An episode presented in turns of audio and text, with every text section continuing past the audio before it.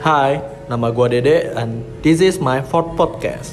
Oke, kali ini gue podcastnya akan sedikit berbeda karena nggak cuma ngebacot sendiri, tapi ada ada bintang tamu kali ini. Nah, uh, tamu ini itu gue kenal dari gereja, jadi dulu ngasih bocah. Yang pertama kali samperin gue di korem, uh, korem itu jadi ibadah untuk anak SMP lah, istilahnya kayak gitu. Itu adalah Cici ini. Perkenalkan namanya siapa Ci? Nama aku Edlin. Oke, Ci Edlin. Uh, ya tadi udah udah ngobrol ya, jadi kita langsung mulai aja ya, nggak usah basa-basi tanya kabar segala macam kayak Oke. podcast podcast yang yang sudah terkenal itu. Oke, Ci.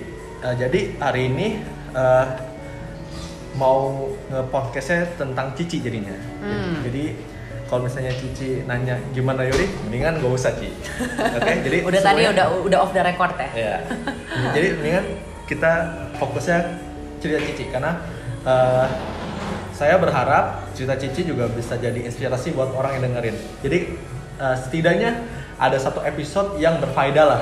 Soalnya yang sebelum-sebelumnya nggak kurang berfaedah kayaknya. Oke Ci, jadi sekarang kalau dibilang profesi, eh, profesi Cici apa? Kalau sekarang profesi aku sebagai owner dari cold press juice, namanya Frebel Juice. Oke, jadi Frebel itu apa Ci? Jadi Frebel Juice itu uh, cold press uh, yang di mana itu tuh dibuat dari buah sama sayuran. Nah buah sama sayuran ini tuh uh, nggak dicampur sama pemanis, pengawet ataupun uh, ditambahin air lagi. Jadi memang uh, pure dan uh, kan size-nya itu ada dalam 250 ml. Dan sekarang ada yang varian kunyit asam itu ada dalam varian 120 ml. Nah, itu memang dibuatnya uh, secara murni dan pakai uh, slow juicer. That's why namanya cold press juice. Jadi memang uh, teknik pembuatannya itu uh, nggak menggunakan panas mesin dan nggak pakai pisau blender. Kan kalau pakai blender biasa itu kan uh, jus itu ada uh, apa namanya? Ada pulpnya gitu loh. Iya, Tapi kalau cold press itu bener-bener airnya aja gitu. Jadi pas diminum uh, berasanya lebih light gitu. By the way, Yuri pernah beli tuh cold Hmm. press juice dan hmm, Yuri belinya murah sih yang 2 jutaan. Sekarang Gila, gila 2 jutaan. Sadis, kan sadis. a- ada emang punya Cici belum, Pak? Hmm, mesinnya maksudnya ya? Iya, mesin cold press ya. Mesinnya aku waktu itu ada yang 2 jutaan sama ada yang 4 jutaan. Ah, beda kan? Ada beda. Iya. Betul, betul, betul. Ya punya saya itu 2 jutaan, merek Hmm. Philips kalau nggak salah. Lupa lupa. Oke. Sekarang ya jarang dipakai. Oke. Untuk Frebel itu udah berapa lama ya, Ci? Hmm, Treble itu dari 12 Mei 2017. Berarti sekarang udah 3 tahun 3 jalan 3 bulan. 3 tahun 3 bulan. Kalau misalnya selama 3 tahun 3 bulan kira-kira keseluruhan omsetnya udah bisa buat beli apa, Ci? Keseluruhan omset ya. Iya. Kalau omset mobil sih udah. Wis. Kalau keseluruhan ya. Mobilnya mobil apa nih, Ci? Alphard, Eh, Alphard kayaknya belum tuh. Kayaknya kalau mobil hmm, HRV, Innova lah, Innova, Oh, Innova. HRV lah. Widis. Berarti lumayan lah. 3 tahun ya? 3 tahun. Tiga tahun tiga Oke. bulan. Jadi sebelum bahas Frebel, kita mau ngulik eh, masa lalunya. Bukan masa lalu, sebenarnya latar belakang kenapa bisa jadi entrepreneur yang punya Frebel gitu. Hmm. Nah, Yuri, ta- eh, saya tahu apa Cici Kang Kudus Hmm. dari TK SD. Dari KBBTK ya, Oh. dari lahir udah di situ. Berarti dari lahir Kalam Kudus sampai SMA. Iya. SMA-nya IPS. IPS. Terus kuliah di UPH. Yap, Bisnis. betul sekali. Bisnis. Kalau UPH kuliah di UPH bisnis itu ada jurusannya atau cuman UPH bisnis? Ada penjurusan jadi kalau di UPH itu dia kan emang ada Faculty of Business kan. Hmm. Jadi Faculty of Business itu memang ada dua uh, dua percabangan gitulah. Jadi mereka itu dibagi menjadi manajemen sama accounting. Hmm. Di satu gedung yang sama sih tapi kalau misalnya uh, masing-masing jurusan ini manajemen dan accounting itu punya uh, jurusan penjurusannya lagi. Jadi kayak misalnya manajemen itu ada finance ada marketing ada international business. Nah waktu itu aku ambil penjurusannya itu international business. Gitu. Sejananya SE atau? SE SE oh iya kesoalnya manajemen ya? Iya. Nah terus denger dengar ngajar juga Matika itu pas kapan tuh Ci? Iya, ngajar Matika dulu itu Matika ngajar btw Matika. Matika itu bimbel ya guys Iya itu bimbel di daerah Green Garden. Jadi waktu itu kayak ngajar matematika tuh itu kelas berapa ya? Apalagi pas kuliah ya lupa sih. Dek, jadi kayaknya 2013, 2014 deh. Itu berarti akhir-akhir kuliah. Iya, kayaknya tahun ke tahun kedua atau tahun ketiga kuliah lah pokoknya. Lagi zaman kuliah. lagi zaman kuliah Iya. hmm. itu ngajar akun Eh, awalnya sih daftarnya ngajar akun, tapi pas udah ngajar itu karena aku jurusan IPS, jadi eh, pas anak-anak ngeles datang itu mereka tanya macam-macam, misalnya pelajaran KWN, pelajaran agama, akun, bahasa Indonesia, pokoknya pelajaran yang gak ada hubungannya sama IPA. nah, Ya, jadi semua yang gak ada hubungan sama IPA ditanyain gitu. Ya, aku mengajar dengan kemampuanku seadanya. Bu- maksudnya bukan seadanya, tapi misalkan aku paham KWN segimana, Hmm. paham uh, bahasa Inggris gimana, paham uh, apa uh, apa pun yang ditanya lah pokoknya aku mengajar sepahamnya aku gitu. itu ngajar anak SMA Ci? Atau Waktu itu aduh SMA, SM, SMA sama SMP ya seingatku. Soalnya kan anaknya, anaknya ada beberapa kan. Hmm. Jadi kayak hari-hari tertentu itu anaknya misalnya anak SMP doang, anak SMP kelas 3. Ntar hari-hari tertentu anak SMA. Tergantung jadinya. Kalau misalkan pas lagi banyak datang anak SMA, ya berarti ngajarnya ya lebih berat, lebih berat lah pelajarannya. Kalau yang kebanyakan anak SMP lebih ya ada main-mainnya. Cuma kalau misalkan pas lagi ngajar emang pelajaran SMP materinya berat juga ya berat sih. Hmm. Itu berapa lama tuh Ci? Sampai Ngajar lulus Matika kuliah? ya? Iya. Ngajar Matika. Ngajar matika itu eh, setahun setengah ya kalau nggak salah. Oh berarti sebelum lulus juga udah berhenti ya? Iya, ha, udah. ha. Terus lulus lulus di UPH lulusnya normal kan Ci ya? Maksudnya nggak nggak nggak extend? Eh, nggak jadi dulu itu pas ja- angkatan aku kan aku masuk 2011 kan? Oh, masih 2011 tiga tahun. masuk eh, pas di tahun ketiga ya tahun di tahun 2000 eh 2012 2013 itu eh, UPH keluarin program tiga setengah tahun. Mm-mm. jadi aku masuk Agustus 2011 aku lulusnya November 2014 Hmm. jadi tiga setengah tahun Oh berarti lebih cepat. Terus abis itu dari lulus kuliah ada gap Oh, kan yang saya tahu Cici ambil di eh langsung kerja di Mars Mars Mars Ya. Hmm.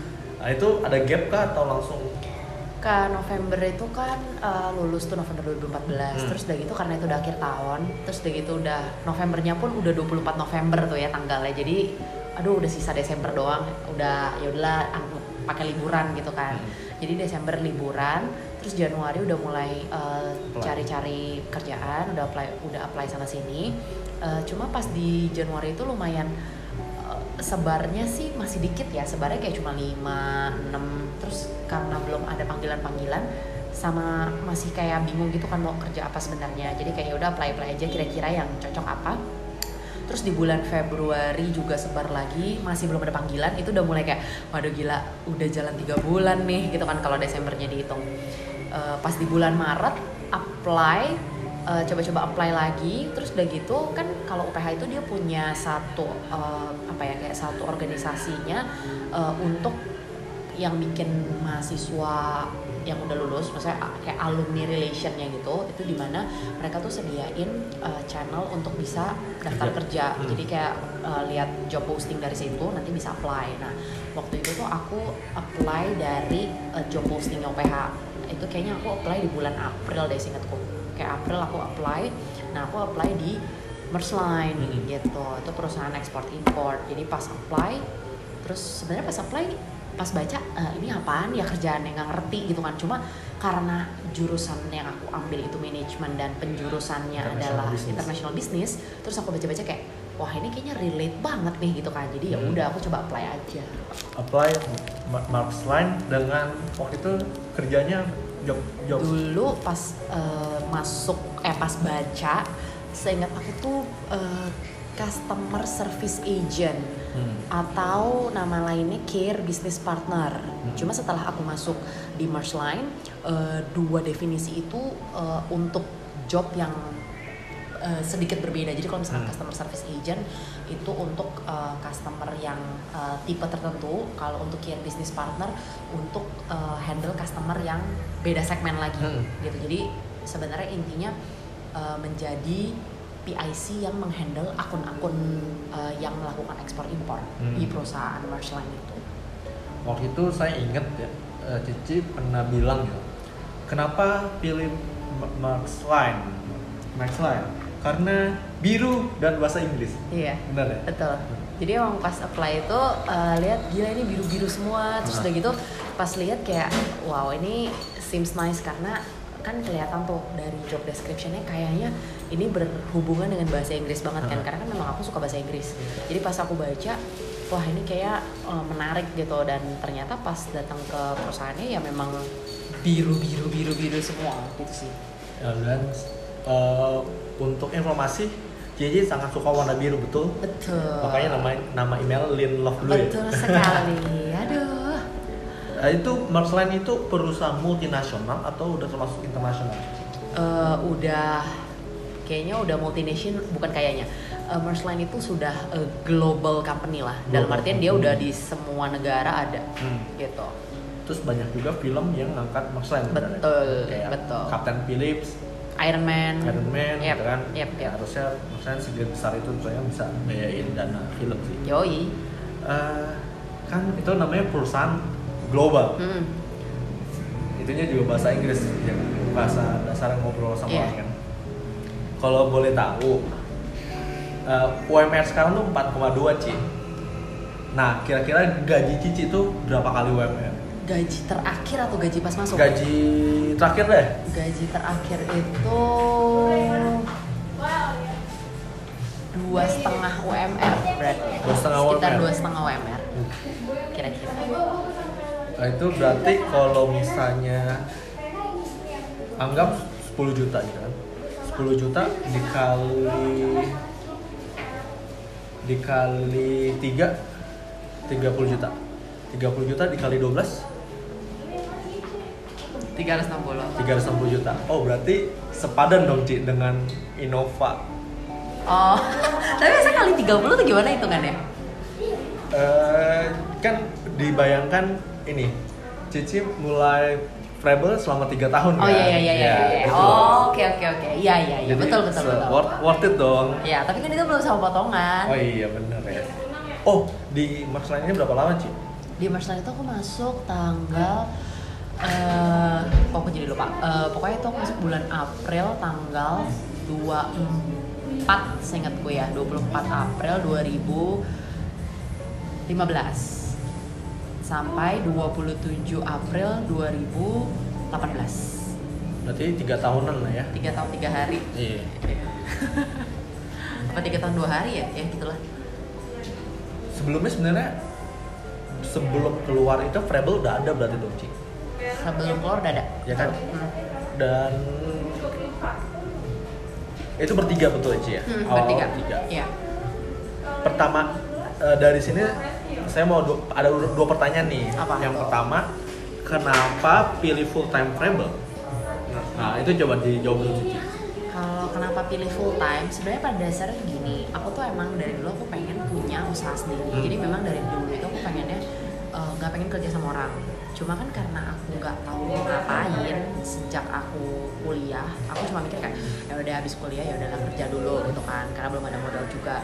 Jadi aku pikir ya udahlah kerja. And then pas udah kerja merasa eh, karena beban eh, kerjanya atau workloadnya itu lumayan uh, apa ya lumayan intens dan lumayan uh, berat di March Line. Jadi buatku uh, aku lumayan stres ketika uh, menjalaninya. Dalam artian kayak uh, oke aku uh, doing uh, very good in my job tapi de- dengan dengan menjalaninya tuh lumayan stres juga. Soalnya aku kayak harus menyelesaikan urusan yang aku nggak tahu menau lah istilahnya. Pokoknya istilahnya misalnya kayak department lain yang uh, bikin case aku yang nggak tahu apa apa tiba-tiba uh, aku yang harus menyelesaikannya. Karena itu part of part of my job desk lah kira-kira terus aku merasa kayak wah ini kok begini begini banget ya maksudnya apa yang harus aku kerjain? Sampai aku mencapai satu titik di mana ketika aku kerja itu aku udah ngerasa kayak wah ini udah bukan udah bukan gue banget nih. Dan ini udah melebihi melebihi apa ya melebihi level yang bisa aku terima lah gitu loh. Sampai aku tuh inget banget pas aku kerja itu pas aku ke toilet aku tuh sampai bilang ya Tuhan sampai kapan ya aku kayak gini? Aku udah gak kuat Tuhan tolong berikan aku berikan aku kekuatan supaya tiba eh, maksudnya hari di mana nanti aku keluar aku pokoknya bisa menikmati hari itu dan aku terlepas dari semua beban ini. Aku sampai kayak gitu loh. Saking stressfulnya karena waktu itu tuh pernah kayak pas lagi ngehandle case berat itu tuh bener-bener yang sampai pulang tuh kayak sampai ke bawah-bawah mimpi sampai kayak besoknya pas mau masuk kantor pun takut. Hmm. karena ada case yang belum selesai. Kayak gitu sih. Jadi kalau ditanya kenapa pilih full time travel dari waktu itu aku ngantor aku pikir ini kayaknya udah berat.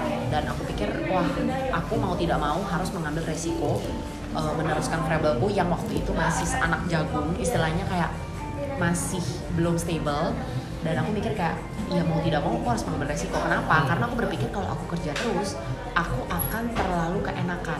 Dalam artian aku akan selalu mengandalkan oh ya setiap bulan gue selalu dapat duit pasti males nggak males gitu loh. Jadi eh, ambil resiko untuk eh, apa ya meneruskan bisnis dan ya udah nggak kerja di mas lagi gitu. Kayak gitu. Berarti sebenarnya benefit eh, selain uang kan ini kan kalau kasar hitungan kasar sebenarnya Frebel lebih menguntungkan kan Hmm. berarti banyak lebih banyak dong untungnya join jadi entrepreneur dong Ji. kayak misalnya tadi workloadnya lebih seharusnya lebih ringan dong Eh, oh ya lanjutin dulu gimana Wo- workload harusnya lebih ringan Ah, ah. waktu juga harusnya lebih bebas Ah, nggak 9 to Ah, 5 ah. Ah, ah. terus uh, ya sebenarnya ada beberapa topik yang udah saya bahas di podcast sebelumnya Hmm.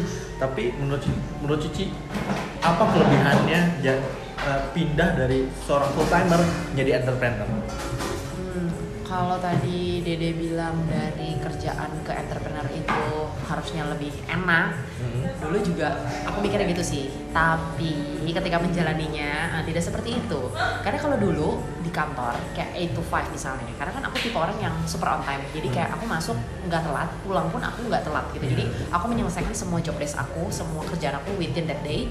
Ya besok adalah udah a whole new day di mana ya kerjaan aku udah kerjaan baru lagi jadi nggak pending pending jadi pas aku kerjain itu eh, aku merasa oke ini 8 to 5 aku udah full. Eh, tapi ketika aku sekarang jadi entrepreneur 8 to 5 aku tuh aku mikirnya ini aku harus ngapain ya? Malah aku jadi banyak buat aku pribadi jadi banyak waktu di mana waktu aku luang yang aku nggak pakai produktif. Karena ketika aku jadi entrepreneur semuanya kan tuh harus pikir aku harus pikir sendiri kan. Kalau di kantor itu kan dalam bentuknya udah kayak robot. Adeline kerjain ini, Adeline kirim email ini, Adeline ini, Adeline itu gitu kan. Jadi udah ada terstruktur gitu loh. 8 to 5 udah ada kosongnya. Or even kosong pun paling cuma buat nafas bentar habis itu udah harus kerja lagi. Tapi kalau jadi entrepreneur aku yang mikir sendiri harus ngapain aku yang kerjain sendiri gitu loh. Jadi menurut aku uh, workloadnya secara mental lebih banyak entrepreneur. Karena kalau di kantor disuruh-suruh dan udah ada list tulisannya kalau entrepreneur kamu harus mikir sendiri. Iya. gitu. Dan kalau aku nggak mikir aku nggak ada kerjaan. Nggak ada kerjaan means ya aku nggak ada income. Gitu loh jadi kalau dari full time tadi effortnya lebih banyak di entrepreneur sih kalau menurutku.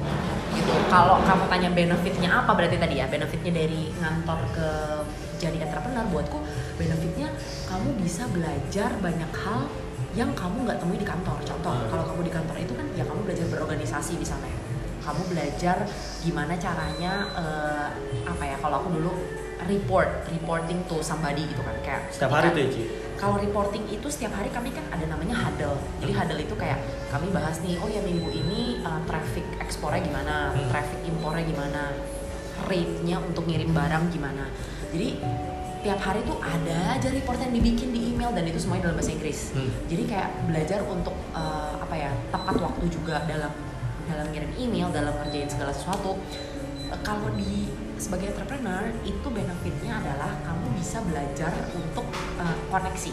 Koneksi dalam artian, oke ketika kamu jadi entrepreneur kan kamu tahu nih misalnya oh iya teman kamu uh, punya bisnis apa teman kamu punya uh, something apa yang mungkin relate dengan bisnis kamu yang bisa membantu bisnis kamu. Tapi kalau misalnya kamu di kantor menurutku oke okay, bisa juga sih kenal sama orang. Tapi kan within scope-nya scope sama-sama orang bekerja gitu loh. Jadi kayak kalau buat aku pribadi ya maksudnya kebanyakan orang yang di kerjaan itu ya mentalnya ya memang mentalnya bekerja. Dalam artian kayak mereka oh ya udah uh, gue kerja gue udah dibayar ya gue akan kerjain sesuai dengan apa yang apa yang gue dapat gitu loh.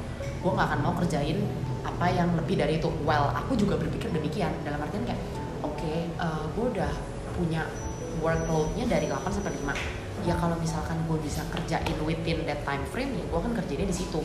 Kenapa gue harus kerjain lebih dari jam 5 kayak gitu sih. Oh, jam 5 setelah lewat jam 5 nggak dibayar betul kan Ci? Iya betul. E. tapi sebenarnya kalau misalnya kamu uh, submit uh, cut eh bukan cuti submit apa tuh namanya? Overload eh overload lagi overtime itu juga bisa. Tapi buatku kayak why should I? Gitu loh maksudnya. Karena buatku ya gue bisa kerjain within 8 to 5 ya why not? Walaupun kalau dilihat-lihat kayak kalau dilihat-lihat kan bisa nambah penghasilan dan untuk di merge itu untuk workload lebih dari jam 5 itu dibayarnya lumayan hmm. gitu loh jadi kalau misalkan mikirin sebagai extra income sih iya tapi buatku kayak kesehatan mentalku dan kesehatan fisikku jauh lebih penting hmm. Hmm. kayak gitu iya betul dan btw kalau misalnya orang yang bilang entrepreneur waktunya lebih banyak ternyata salah gengs kalau uh, kalau gue pribadi ngantor 9 to 5 dah 9 to 5 9 to 5 nah, udah baru benar tuh. Kalau entrepreneur 24 jam. Kadang-kadang baru bangun tidur terus lihat WhatsApp ada chat. Belum seger nih. Lu harus udah harus balas satu segala macam ya. 24 jam kan? Hmm. jadi ya nggak nakut nakutin sih. Tapi coba pikirkan dengan baik-baik gitu. Ya.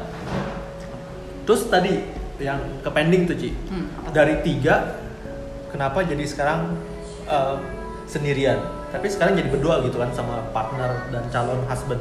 Amin iya. Ya gimana tuh ceritanya? Dari tiga dua terus satu eh salah tiga satu dua.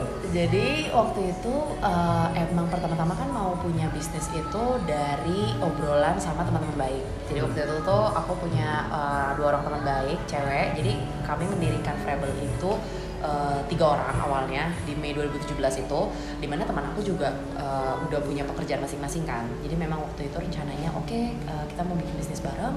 Jadinya pas bikin bisnis uh, kami masing-masing punya job desknya kan. Punya job desk untuk uh, marketing untuk social media untuk uh, apa sales dan sebagainya gitu. Cuma seiring dengan berjalannya waktu uh, teman-temanku memutuskan untuk fokus dengan kerjaan mereka masing-masing karena menurut aku uh, aku aku mau fokus being an entrepreneur that's why aku menjalankan Frabel ini meneruskannya seorang diri hmm. gitu jadi mereka fokus dengan kerjaan mereka aku handle Frabel sendiri and within that time frame aku merasa kayak oh oke okay nih aku sendiri ngerjain enak juga ya dalam artian enak juga adalah semua income masuknya ke aku hmm. nggak perlu aku share ke siapa pun tapi on the other hand aku harus mikirin semua semuanya sendiri lagi. Jadi kayak oke okay, mau dapat income banyak pain yang didapat juga lebih banyak tanggung jawab yang dilakukan juga harus lebih banyak. So waktu itu uh, aku agree untuk join sama uh, partner yang baru which is itu adalah uh, pacarku. Hmm. jadi itu aku join sama dia itu dari 2019 Maret gitu. Jadi udah sekarang udah setahun lebih lah setahun setengah. Di mana dia juga emang uh, ingin menjadi entrepreneur that's why uh, kami join barengan. Dan sampai sekarang di Agustus 2020 ini kami uh, menjalani Framble berdua. Hmm. begitu jadi ceritanya. Jadi sekarang berdua gitu sih ya oke. Okay. itu kalau job desk Cici bagian kalau job desk itu aku bagian Atau... secara makro. Sebenarnya awal-awal tuh nggak ada. Jadi awal-awal itu tuh semuanya nyampur. Kan jadi nggak jelas gitu ya? Yeah. jadi ke belakang belakangan setelah uh, transisi beberapa bulan setelah partner baru aku join uh, baru kami ada kayak job desk dalam artian kayak lebih jelas gitu loh. Oh oke okay, uh, eh, partner aku ini handle ke uh, social media. Sama ada uh, sales juga. Aku pun ada sales tapi aku lebih kayak ke makronya. Misalnya kayak uh, reply dari eh misalkan ada customer yang tanya via Instagram, uh, via WhatsApp karena kan aku memang handle akun-akunnya tuh. Hmm. jadi dalam artian kalau ada orang nanya atau apa aku yang reply. Tapi kalau misalnya kayak untuk konten atau untuk mikirin uh, bisnis as a whole itu lebih ke partnerku. Gitu.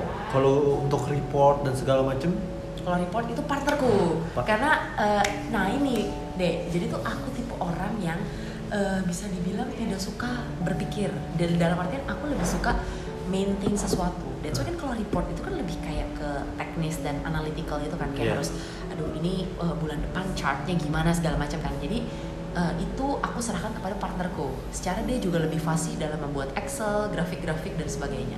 Hmm. gitu. Jadi aku tinggal terima report terus aku lihat deh gitu. Tapi sebenarnya nganalisis rep reportnya itu cici atau Kalau nganalisisnya aku, Kayak aku misalnya? jadi ah, oh uh, oh uh, saya dulu ya. Ya, oke. Nih misalnya, oh uh, bulan ini bocos nih Mm-mm. iklannya, Mm-mm. tapi seharusnya nggak naik. Mm-mm, mm-mm. Kayaknya bulan depan uh, uh, iklannya diturunin atau misalnya seharusnya kok udah mentok-mentok segini aja harusnya kayak harus melakukan penetrasi apa gitu. mhm. Nah itu yang mikir itu siapa tuh? Nah biasanya kalau dari report itu eh, jadi aku akan eh, analisis dulu. Abis itu aku diskusi. Hmm. Jadi karena kan untuk eh, keuangannya juga aku handle. Jadi pas aku lihat, wah bulan ini dan maksudnya untuk pengeluarannya kan aku yang lebih ke teknis sehari-hari kan. Iya. Jadi aku lebih lihat kayak, wah bulan ini nih kok kita banyak banget ya pengeluarannya. Ternyata karena ada ads, ternyata karena memang ada pengeluaran yang one time only. Jadi kayak pas lihat, oh oke nih berarti bulan depan harusnya income kita bisa lebih naik karena eh, untuk income yang eh untuk eh, apa belanja yang one time only ini, ya bulan depan nggak ada lagi Hmm. gitu. Atau enggak bulan depan nih kita harus ngapain ya? Oh misalnya kita harus uh, lebih kenceng di marketing di sosial medianya kasih promo diskon. Atau enggak misalnya kita lebih uh, gencar uh, apa ya istilahnya sama orang-orang yang kita udah tahu nih kita tanyain mau PO atau enggak lebih kayak gitu sih. Jadi basisnya kita lebih ke diskusi. Lebih lebih ke diskusi berarti ya. Yap, Jadi job desk itu cuman sebenarnya uh, tugas harian aja yang dibagi dong. Hmm, Tugas harian. betul aja. sekali Oh, I see. Nah, ini sebenarnya te- teori sih. Eh, tadi kan sebenarnya udah dibedain apa itu cold press ya kan. Kalau dirangkum itu cold press juice itu adalah jus yang dibuat bukan di blender. Jadi harganya layak untuk mahal. Selain blender itu harganya murah 500.000 ribu dapat eh, mesin cold press juice itu 2 jutaan minimal kan. Dan yang bedain adalah cold press juice punya ampas.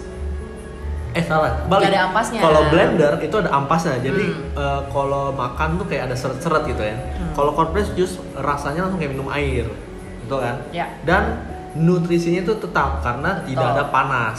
Betul. Nah, kalau mesin blender itu RPM itu tinggi tuh. yap Eh, dia menghasilkan panas. Kalau cold press juice itu eh, buahnya kayak digiling, betul kan? di press jadi Iya. kan kalau misalnya pakai blender itu kan dia dipotong dan Dicincang. ya jadi kan itu apa merusak nutrisi buah Hmm. gitu kalau misalnya pakai cold press itu karena dia nggak pakai pisau itu eh, apa ya kar- ap- bilangnya gimana ya Kayak- bukan dipencet sih tapi Ya, kayak di gitu ya, lah ya. kayak ditekan gitu lah jadi Hmm. why makanya yang keluar benar-benar airnya gitu Kayak bikin wine ya. Tapi itu bukan nggak diinjek langsung pakai kaki. Iya, Jadi pakai betul. mesin. Nah makanya shelf life dari cold press juice itu juga lebih singkat daripada jus biasa. Atau mungkin kan biasa orang biasa orang kayak tanya, ih kok kalau gue bikin jus biasa, gue taruh di kulkas bentaran rusak sih. Hmm. Nah itu juga itu juga Nah. ada ada sebab akibatnya tuh. Nah untuk sebab akibatnya bisa cek di Instagram Flavor Juice. Betul. Sudah ada konten. Konten misalnya. Betul. Dan kalau misalnya bagi kalian yang nggak suka minum sayur dan buah, itu dengan minum cold press juice 200 ml itu bisa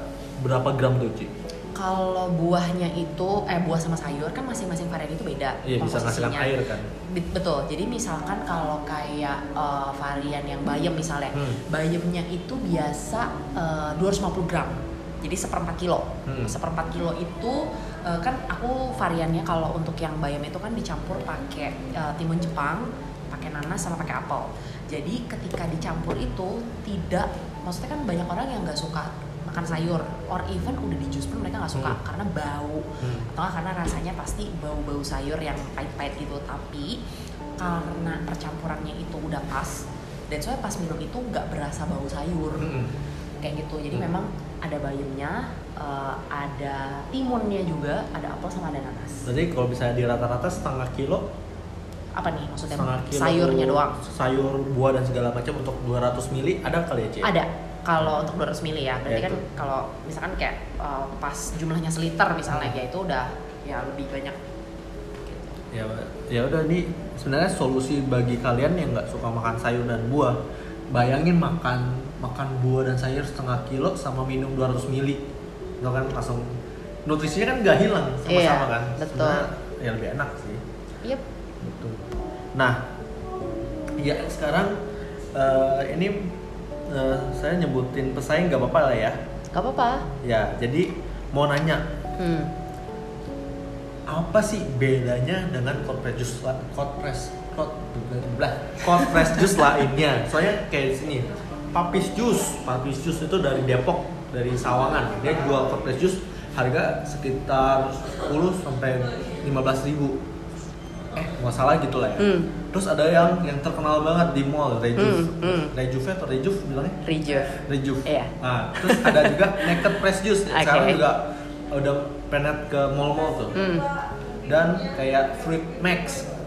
Dan nanti sebenarnya ada apa? Ini ada lanjutan lagi Up and Up. Hmm. Apa sih bedanya sama sama yang pesaing itu Fravel? itu Iya, maksudnya dari tadi yang disebutin pesaing-pesaing pesaingnya, apa bedanya Fravel dengan yang lain? Dan kenapa orang harus pilih Fravel gitu? Nah itu pertanyaan yang memang eh, apa ya kayak jadi pemikiran yang berat banget jujur buat aku. Karena kadang kalau misalnya orang tanya aku kayak nggak bisa langsung straight jawab kayak apa ya yang beda? Apa yang beda? Gitu loh. Tapi kalau dari aku pribadi maksudnya untuk aku jawab pertanyaan Dede menurut aku karena kan aku juga udah cari-cari nih maksudnya aku udah research kayak kenapa ya kok eh, kompetitor aku harganya bisa lebih murah oh kenapa ya? Kompetitor aku harganya lebih mahal gitu loh. Yang aku temukan adalah ketika bikin cold press itu kan bahan utamanya adalah sayur dan buah. Nggak ada gula nggak ada madu or nggak ada air. Jadi yang membedakan itu adalah kualitas buahnya. Karena buahnya itu kamu pakai buah lokal atau kamu pakai buah import itu itu rasa dan harganya berbeda. Karena aku pernah coba gitu contoh misalkan eh, pakai wortel. Wortel itu kalau misalkan pakai wortelnya wortel yang wortel yang apa tuh kurus-kurus Hmm. wortel yang biasanya eh, aku lihat di Ya. pasar-pasar dalam artian yang kayak kotor-kotor masalah. Iya, yang kayak gitu itu rasanya berbeda sekali dengan wortel yang eh, ditanam dengan cara yang lain gitu loh. Jadi rasanya berbeda, even kualitas warnanya juga beda Hmm. dan ketika udah dicampur sama varian lain pun eh, aromanya berbeda gitu loh. Jadi eh, satu bahannya semuanya beda. That's why makanya harganya pun bisa lebih murah. Terus eh, kalau dari Fravel sendiri merasa eh, Fravel bukan merasa, tapi memang kami yakin bahwa varian kami itu tuh untuk rasanya enak-enak semua Hmm. dan eh, banyak juga komplimen dari customer bahwa mereka sebenarnya nggak suka beat. Contoh nih, kan kami punya satu varian To Your Heartbeat, di mana ketika orang nggak suka beat, mereka merasa varian Fravel ini yang beat berbeda dari varian-varian cold press yang pernah mereka coba karena varian beatnya Fravel ini tidak bau tanah. Jadi baunya adalah, tapi maksudnya tertutup dengan eh, ada campuran lemon sama campuran apel. Hmm. Dan soalnya makanya eh, menurut kami sebagai eh, apa ya sebagai owner Fravel gitu eh, varian apa ya istilahnya pilihan varian yang ada di Fravel ini eh, kami yakin ini sudah enak dan menjadi apa ya menjadi salah satu daya tarik orang untuk orang juga bisa coba gitu loh kalau misalnya mereka nggak suka beet mereka nggak suka bayam gitu loh. Jadi mereka bisa coba eh, dan lebih tertarik untuk mencoba lah gitu. Sama kalau ditanya perbedaannya ya hmm, mungkin bedanya mereka-mereka udah pada punya toko kali ya. Hmm. Fravel masih Online. online gitu loh. Jadi online sebenarnya punya apa ya punya challenge-nya tersendiri sih. Dalam artian mungkin kalau marketing kan kayak tadi Yori kayak, kayak tadi Dede bilang eh, merek-merek yang tadi itu mungkin udah masuk ke mall-mall terus juga mereka udah punya market yang lebih banyak gitu kan. Kalau Fravel eh, marketnya mungkin masih dibilang lebih banyak ke internal sama orang-orang eh, orang-orang inner circle gitu. Dan ya intinya sih kalau dari Fravel kami terus berusaha untuk bisa maintain quality sama kami juga bisa apa ya eh, tetap eh, build relation sama customer karena kalau di Fravel itu kami sangat menekankan relation dengan customer gitu. Nah mungkin itu salah satu value yang tidak ada di cold press juice lainnya Hmm. kayak gitu Berarti sebenarnya uh, customer itu udah banyak repeat order dong. Kalau Rejuve kan orang kadang-kadang cuma cobain sekali. Hmm, Berarti hmm, kalau hmm. di Freble lebih banyak repeat order daripada new customer. ya betul Betul ya. Nah tadi ngomongin soal market, eh, Cici udah tahu kan marketnya apa kata Cici lebih kecil daripada mereka. hmm. Nah, Cici penting gak sih untuk ngambil market baru atau maintain market yang udah ada dan dijaga relasi?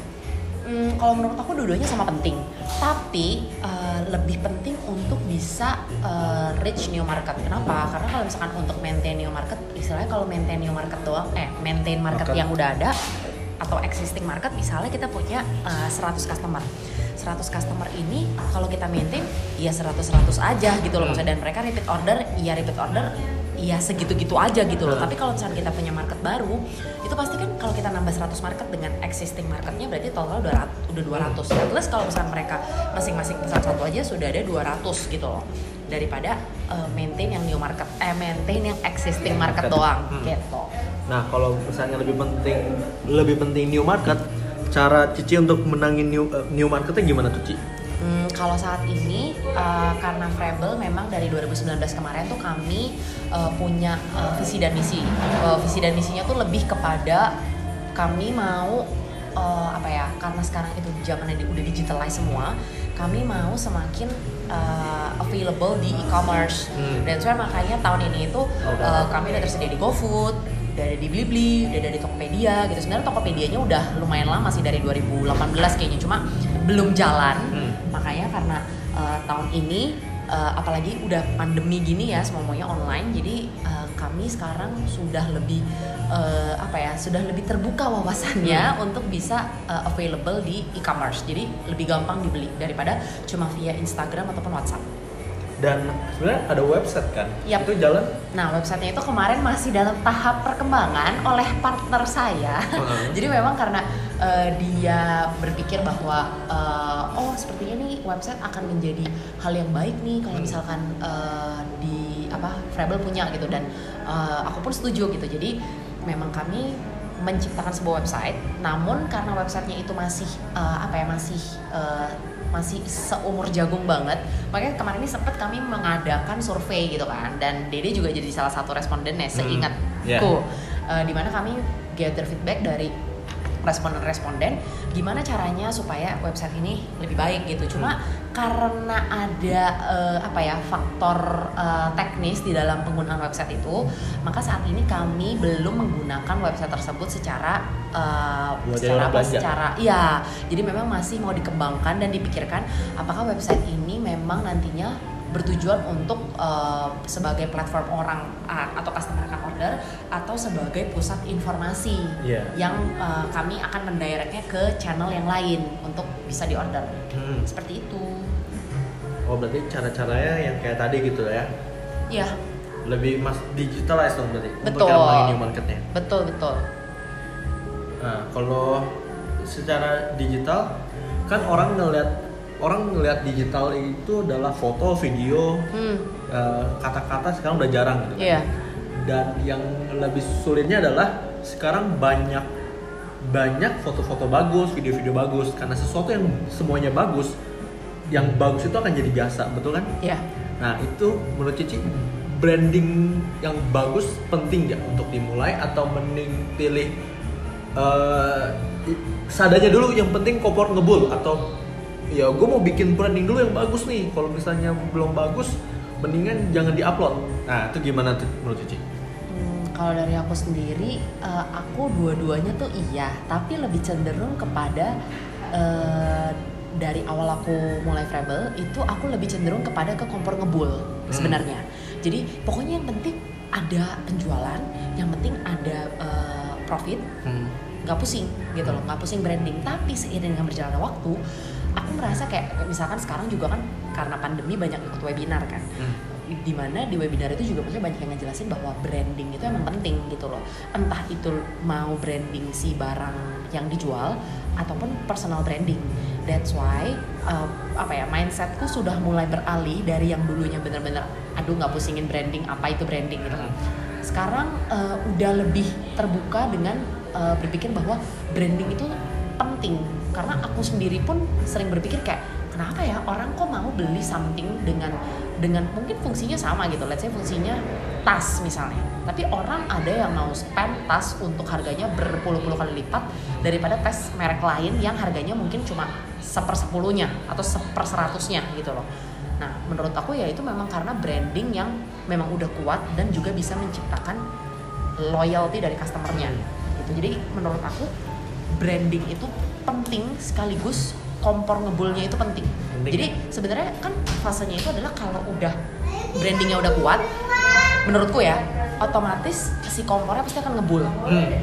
Tapi kalau misalkan kompornya ngebul, eh mau kompornya ngebul doang dengan brandingnya itu nggak kuat kayak ya udah misalkan kayak orang udah beli sekali, ya orang akan sulit untuk dia repeat order, akan sulit untuk kayak bisa jadi loyal customer untuk bisa beli terus Hmm. gitu sih.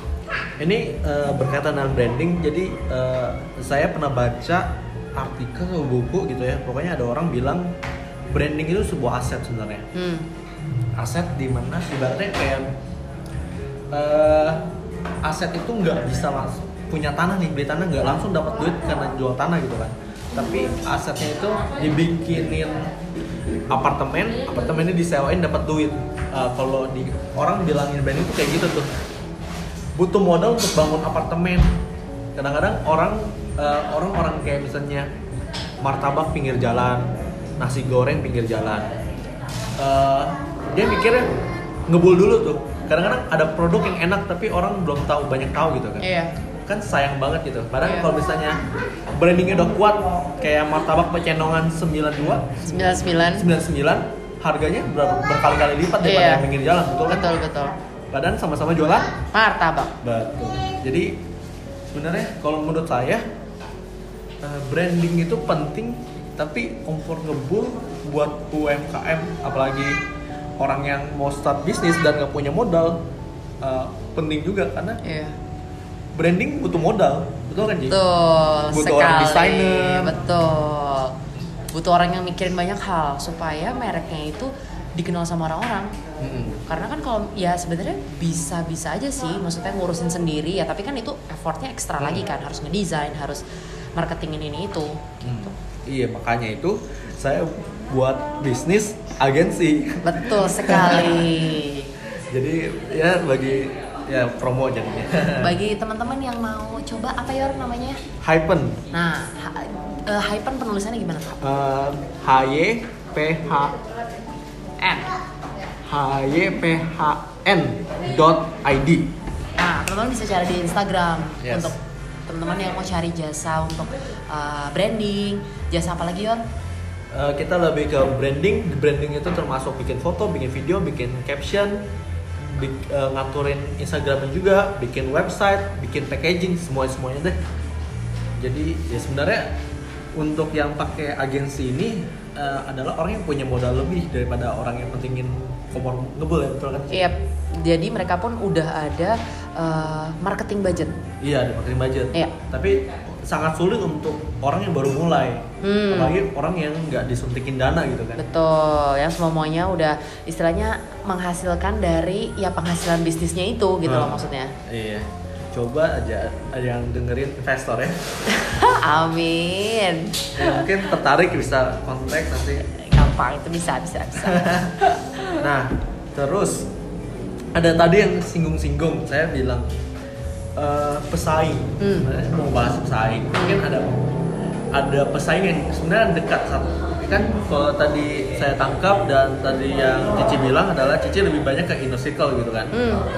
Uh, terus ada inner circle-nya salah satu inner circle Cici adalah gereja Hmm. dan ada kalau gereja sama gereja ini nggak menyerang ya nggak menyerang ini hanya ingin menanyakan pendapat tolong Uh, apa namanya oh ya uh, itu kan uh, dia masuk ke inner circle Cici gitu kan Iya. Uh, uh, ini mundur lagi ke belakang Hmm. sebenarnya uh, saya juga ada jualan jus gedong-dong di jajanan Mama Dede Iya. ya kan tapi eh, kenapa saya nggak jualin di gereja nggak kayak kayak makanan yang lain gitu ya lumpia dan segala macam Mhm. karena eh, saya saya tahu oh ini pasarnya udah ada yang punya nih dan lagian eh, sebenarnya kan produk jus kedonong juga beda bukan cold press jus itu. Blender biasa. Iya. sebenarnya ada pernah pakai cold press cold press jus tapi kan agak sulit lah. Beda tekstur buah. Kan iya beda tekstur buah. Jadinya blender dan harga marketnya juga beda. Eh, kalau jus kedonong itu lebih ke emak-emak. Orang-orang baru gereja, apa gereja women fellowship gitu nah itu target sebenarnya target marketnya ke emak-emak tuh. Hmm. Sebenarnya kan beda tapi eh, saya memutuskan untuk tidak memasarkan di gereja karena s- saya pikir eh, ini rasanya kurang enak apalagi eh, saya dengan Ceden juga dekat gitu kan satu komsel komsel itu kelompok kecil kelompok kecil itu pertemanan nah Nah, nah BTW tadi kan Dede bilang BTW rasanya kurang enak. Rasanya kurang enak maksudnya dalam artian nggak enak hati gitu ya. Nggak enak hati masuk. untuk untuk inner circle gitu maksudnya Ah. ya. Bener kan? ya, Iya. ya makanya yang, eh, yang tadi saya bilang saya nggak pasarin itu karena ya nggak- rasanya nggak enak hati gitu Nah, ya. kayak gitu kan nah kalau menurut Cici pesaing itu persaingan itu gimana Persaingan di maksudnya Persaingan di mana pun di kan. juice. Oh, oke. Kalau menurut aku di cold press juice sendiri eh, marketnya tuh niche market. Cuma seiring dengan adanya si pandemi ini banyak banget cold press cold press entah itu cold press ataupun Jus biasa. overnight oat Oh, ataupun iya. jus biasa ataupun healthy bowl intinya segala sesuatu yang berbau sehat mau itu dia vitamin or apa pun itu intinya banyak banget kan sekarang udah merek berbagai macam merek bermunculan menurutku persaingannya itu eh, semakin banyak sih tapi maksudnya dengan apa ya dengan adanya konsep beda-beda eh, marketing yang berbeda terus dari itu gimmick-gimmick dan promosi yang berbeda ya itu yang bisa menjadi faktor penentu customer mau beli yang mana sih Hmm. menurutku. Padahal kalau misalkan dilihat secara basicnya ya mirip walaupun nggak sama ya. Misalkan kayak mesin yang dia pakai apa buah yang dia pakai dari mana gitu loh. Ataupun mungkin eh, ketika mereka buat sizingnya seperti apa. Karena aku pernah coba ada beberapa merek yang ketika aku coba aku merasa eh, ini sekali lagi yang kayak tadi Yori bilang ini bukan menyerang ataupun eh, mencurigai tapi maksudnya dari aku pribadi kan aku juga suka review kan maksudnya karena memang aku cinta makanan. Betul cinta makanan dan ketika aku review aku merasa eh, oh oke ketika aku coba kenapa ya kok ini rasanya seperti eh, air dalam artian air literally air gitu loh bukan buah dan sayur gitu loh. Karena kan memang sebenarnya nggak pakai pemanis dan pengawet tapi ini rasanya sangat amat light gitu loh berbeda dengan punyaku. Hmm. Gitu loh dan soalnya makanya aku pikir kayak oh ini maksudnya macam-macam gitu kayak misalnya kita makan bakmi lah ada bakmi yang ini kok bakmi kayak karet banget sih kok ini bakmi enak gitu loh kayak gitu sih Hmm. jadi persaingannya secara eh, market sekarang lebih banyak karena si pandemi ini Hmm. ya contohnya kayak misalnya tadi Yori bilang eh, di dalam gereja pun kan sekarang udah ada Hmm. gitu loh jadi menurutku eh, makin banyak ya yang membedakan dari gimmick-gimmicknya itu aja sih Hmm. Sebenarnya eh, ini yang saya pahami juga gitu. Eh, ini kan kalau masuk ke industri yang bagus red ocean bilang ya. Hmm. sebenarnya kan eh, eh, industrinya lebih seru. Kalau blue ocean ya punya sendiri gitu. Jadi lebih enak Iya. ngatur harga dan segala macam. Kalau Iya. red ocean nggak bisa berdarah-darah tuh. Iya. Tapi kadang-kadang enaknya gini. Kalau menurut saya adalah eh, ketika di eh, red ocean pesaing bikin konten konten dong. Hmm. edukasi customer dong. Iya. ada ada customer yang belum masuk ke irisan target market tiba-tiba jadi teredukasi. Tapi kadang-kadang dia nggak beli- bisa beli di situ dong yang betul. bisa oper ke lain. Iya. sebenarnya kesempatan kan. Iya. Makanya yang tadi Cici bilang gimana gimmick dan yang membedakan gitu kan. Iya. Nah kalau tanggapan Cici Cici dalam persaingan ini posisinya di mana Hmm, kalau menurutku persaingan eh, posisi Frebel di dalam persaingan ini menurutku masih eh, dalam tahap mencari market.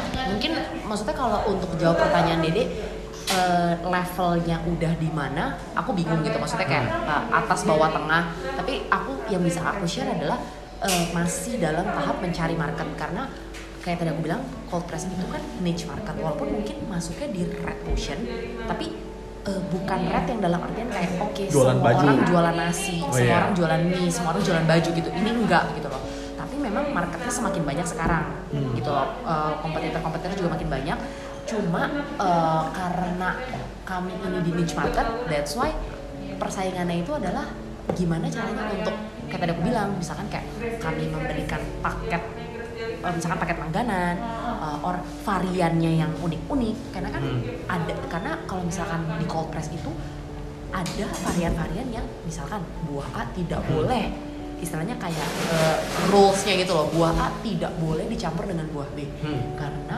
akan menimbulkan efek samping apa gitu loh buah uh, sayur apa tidak boleh dicampur dengan apa gitu loh jadi memang itu tidak tidak sembarangan main campur-campur buah dan sayur Hmm. gitu jadi makanya uh, menurutku untuk persaingan masih dalam tahap uh, mencari market karena kembali lagi aku bilang untuk marketnya Frable belum sebesar uh, yang kita di bilang misalkan uh, Naked Press, Hmm. Rejuve ataupun Tapis Hmm. saya kayak gitu sih karena memang uh, kan secara uh, apa bisnis model travel juga kan online Hmm. jadi memang bukan di offline store Hmm. dan saya makanya karena dari online market ini dan tadi aku bilang juga lebih banyak inner circle-nya makanya ini merupakan satu tantangan juga buat travel untuk bisa mencari new market Hmm.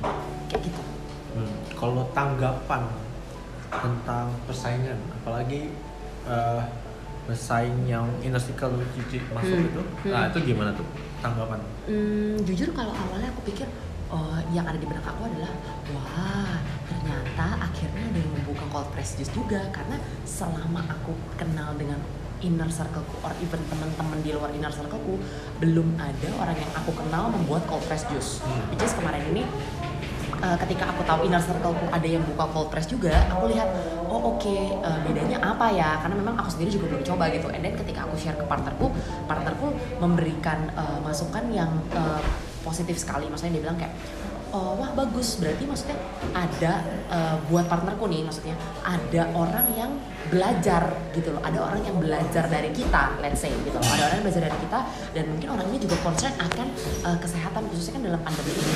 Jadi dia decide untuk uh, membuat uh, cold press juga dengan konsep yang berbeda dengan Rebel. Hmm. kayak gitu. Ya kalau dia, ya itu kalau salah 600 mili ya. 600 500 or 600 kayaknya deh Iya. Ya, tapi shout out juga untuk up and up gitu ya. Yap, betul. Dan eh, yang lainnya kayak Papis, Polo Rejuve dan segala macam nggak usah dia udah gede. Kecuali promo eh dikasih endorse nggak apa-apa deh. Tapi ngaruh banget ya dikasih endorse. Oke, ini pertanyaan terakhir dan yang paling penting sebenarnya buat penting buat buat buat buat buat saya. Jika ketemu Hmm. Cici versi umur 22 tahun, Hmm, bakal kasih nasihat apa? versi diriku persis ya. Pas umur 22. Kalau pas umur 22 itu berarti oke setahun baru lulus. Oh, kalau aku em, cari kerja, eh, kalau misalkan aku di umur 22 kemarin, aku pengennya kan sebenarnya usaha. Hmm. Jadi kalau aku ketemu diriku yang umur 22 tahun, aku akan pikir untuk em, mungkin sama, maksudnya kerja dulu. Kerja dalam artian eh, sebisa mungkin cari kerjaan yang aku suka. Dalam Hmm. artian kan kalau masa lalu aku cie masa lalu maksudnya zaman aku kerja aku kan nggak mikir nih ini kerjaan bakalan suka atau kagak. Pokoknya masuk and then pas masuk waduh kerjaannya kayak gini. And then maintain itu mau tidak mau let's say kayak mau tidak mau karena ya udahlah ya udah masuk biru biru juga. Terus juga eh, duitnya kenceng juga jadi ya udahlah gitu kan jadi mikir kayak harus eh, yang disukain eh, kerjaan apa yang disukain karena ketika kita ngerjain something yang kita suka itu pasti akan beda banget Hmm. hasil kerjanya beda banget passionnya kita juga willing untuk effort lebih dan saranku adalah eh, cobain sesuatu yang memang kalian suka Hmm. jadi jangan terpaku kepada hal yang kalian gak suka karena Hmm. Buat aku ketika kita melakukan sesuatu yang kita nggak suka oke kita akan dapat let's say kita dapat materi gitu ya kita Hmm. ngomong materi nih kita akan dapat materi yang memang wah kelihatannya banyak gitu. Tapi ketika kita menjalaninya ya kayak yang tadi aku bilang menjalaninya bakalan stressful bakalan kayak aduh ini gimana ya? gitu. Jadi saranku adalah cobain itu eh, maksudnya Cobain cobain, kerja. eh, kerja. Kerjanya mungkin nggak nggak harus yang sampai bertahun-tahun lamanya tapi kayak kerja ketika dirasa sudah cukup entah itu pengalaman ataupun eh, uang yang didapat startlah mulai untuk eh, punya usaha sendiri. Kalau memang apa nih yang denger kalian-kalian ini punya jiwa ingin berusaha Hmm. dalam artian karena buatku nggak sembarangan orang yang bisa jadi entrepreneur gitu loh. Kayak yang tadi kita udah bahas sama-sama deh. Maksudnya ketika kita mau jadi entrepreneur kan nggak bisa cuma oh ya orang ngomong yang nggak punya kerjaan apa apa tada menjadi orang jualan gitu loh. Mungkin oke dia jualan tapi konsepnya yang kayak Yori bilang tadi ya udah konsepnya konsep kompor ngebul yang penting hari ini gue ada duit tapi nggak mikirin tuh gimana kelangsungan bisnisnya bertahun-tahun ke depan Hmm. mereknya bakalan kayak gimana gitu. Jadi buatku eh, itu sih harus cobain kerja sama orang biar tahu feeling biar tahu pengalamannya kayak gimana. Sama mulai usaha sendiri. Nggak harus jadi jualan. Bisa juga kayak misalnya entah jadi reviewer sesuatu. Apalagi kan sekarang zamannya itu kan udah zaman digitalized semua muanya udah orang lihatnya sosial media. Mungkin bisa juga jadi eh, apa ya orang yang advisor. Advisor dalam artian eh, kayak tadi misalkan Yori bilang untuk bisnis jadi bisnis konsultan kalau bisnis konsultan mungkin bahasanya terlalu berat kali ya. Intinya jadi seseorang yang memberikan advice untuk orang-orang yang mau mulai bisnis ataupun orang-orang yang nggak tahu ini dia setelah kan tadi umur 22 ya Hmm. setelah kuliah ini mau ngapain Hmm.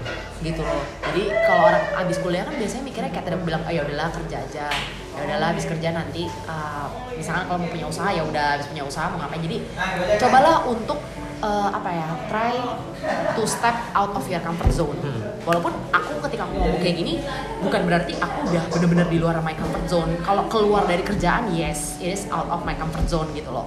Tapi out of kenapa? Karena dalam tanda kutip dulu aku nyaman di kerjaan kayak tadi aku bilang income selalu dapat tiap bulan gak usah pusing gitu loh. Sekarang out of my comfort zone dengan cara ya mau tidak mau ambil risiko untuk bisa maintain bisnis sendiri. Kalau males yang gak dapet duit kalau rajin ya dapet duit. Hmm. kayak gitu sih buatku. Jadi Hmm. harus eh, harus bisa dan harus mau belajar untuk eh, keluar dari zona nyaman Hmm. walaupun itu sulit Berarti kalau dirangkum adalah eh, ya coba keluar ke zona nyaman. Mm-mm.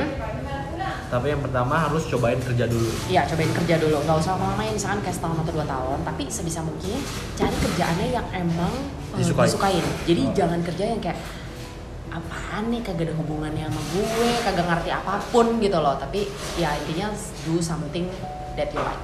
Oke. gitu. Jadi podcast yang episode keempat gini aja karena sekarang gue udah udah 56 menit eh 57 57 2 detik 3 dan, dan seterusnya dan kita juga sebelum ini udah ngobrol-ngobrol jadi nggak enak juga sama si Boba di Green Garden karena udah kelamaan. Jadi Seru-seru. gini aja podcastnya. Tapi sebelum akhir eh, kalian coba dengerin kata-kata dari eh, owner Treble dalam bagian promosi.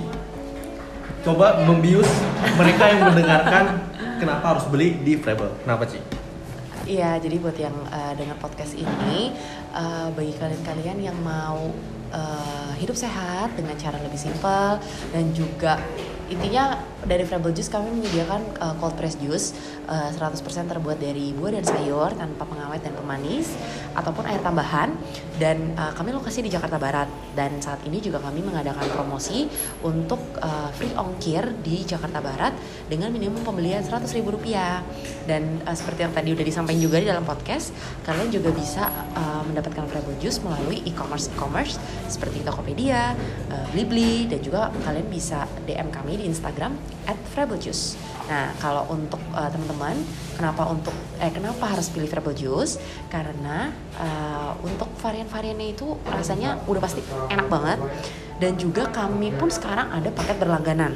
Jadi ketika teman-teman pengen pesan, eh, teman-teman bisa dapetin Frable Juice dengan harga yang lebih murah dan juga free ongkir dan juga untuk jadwal pengirimannya bisa disesuaikan dengan request teman-teman.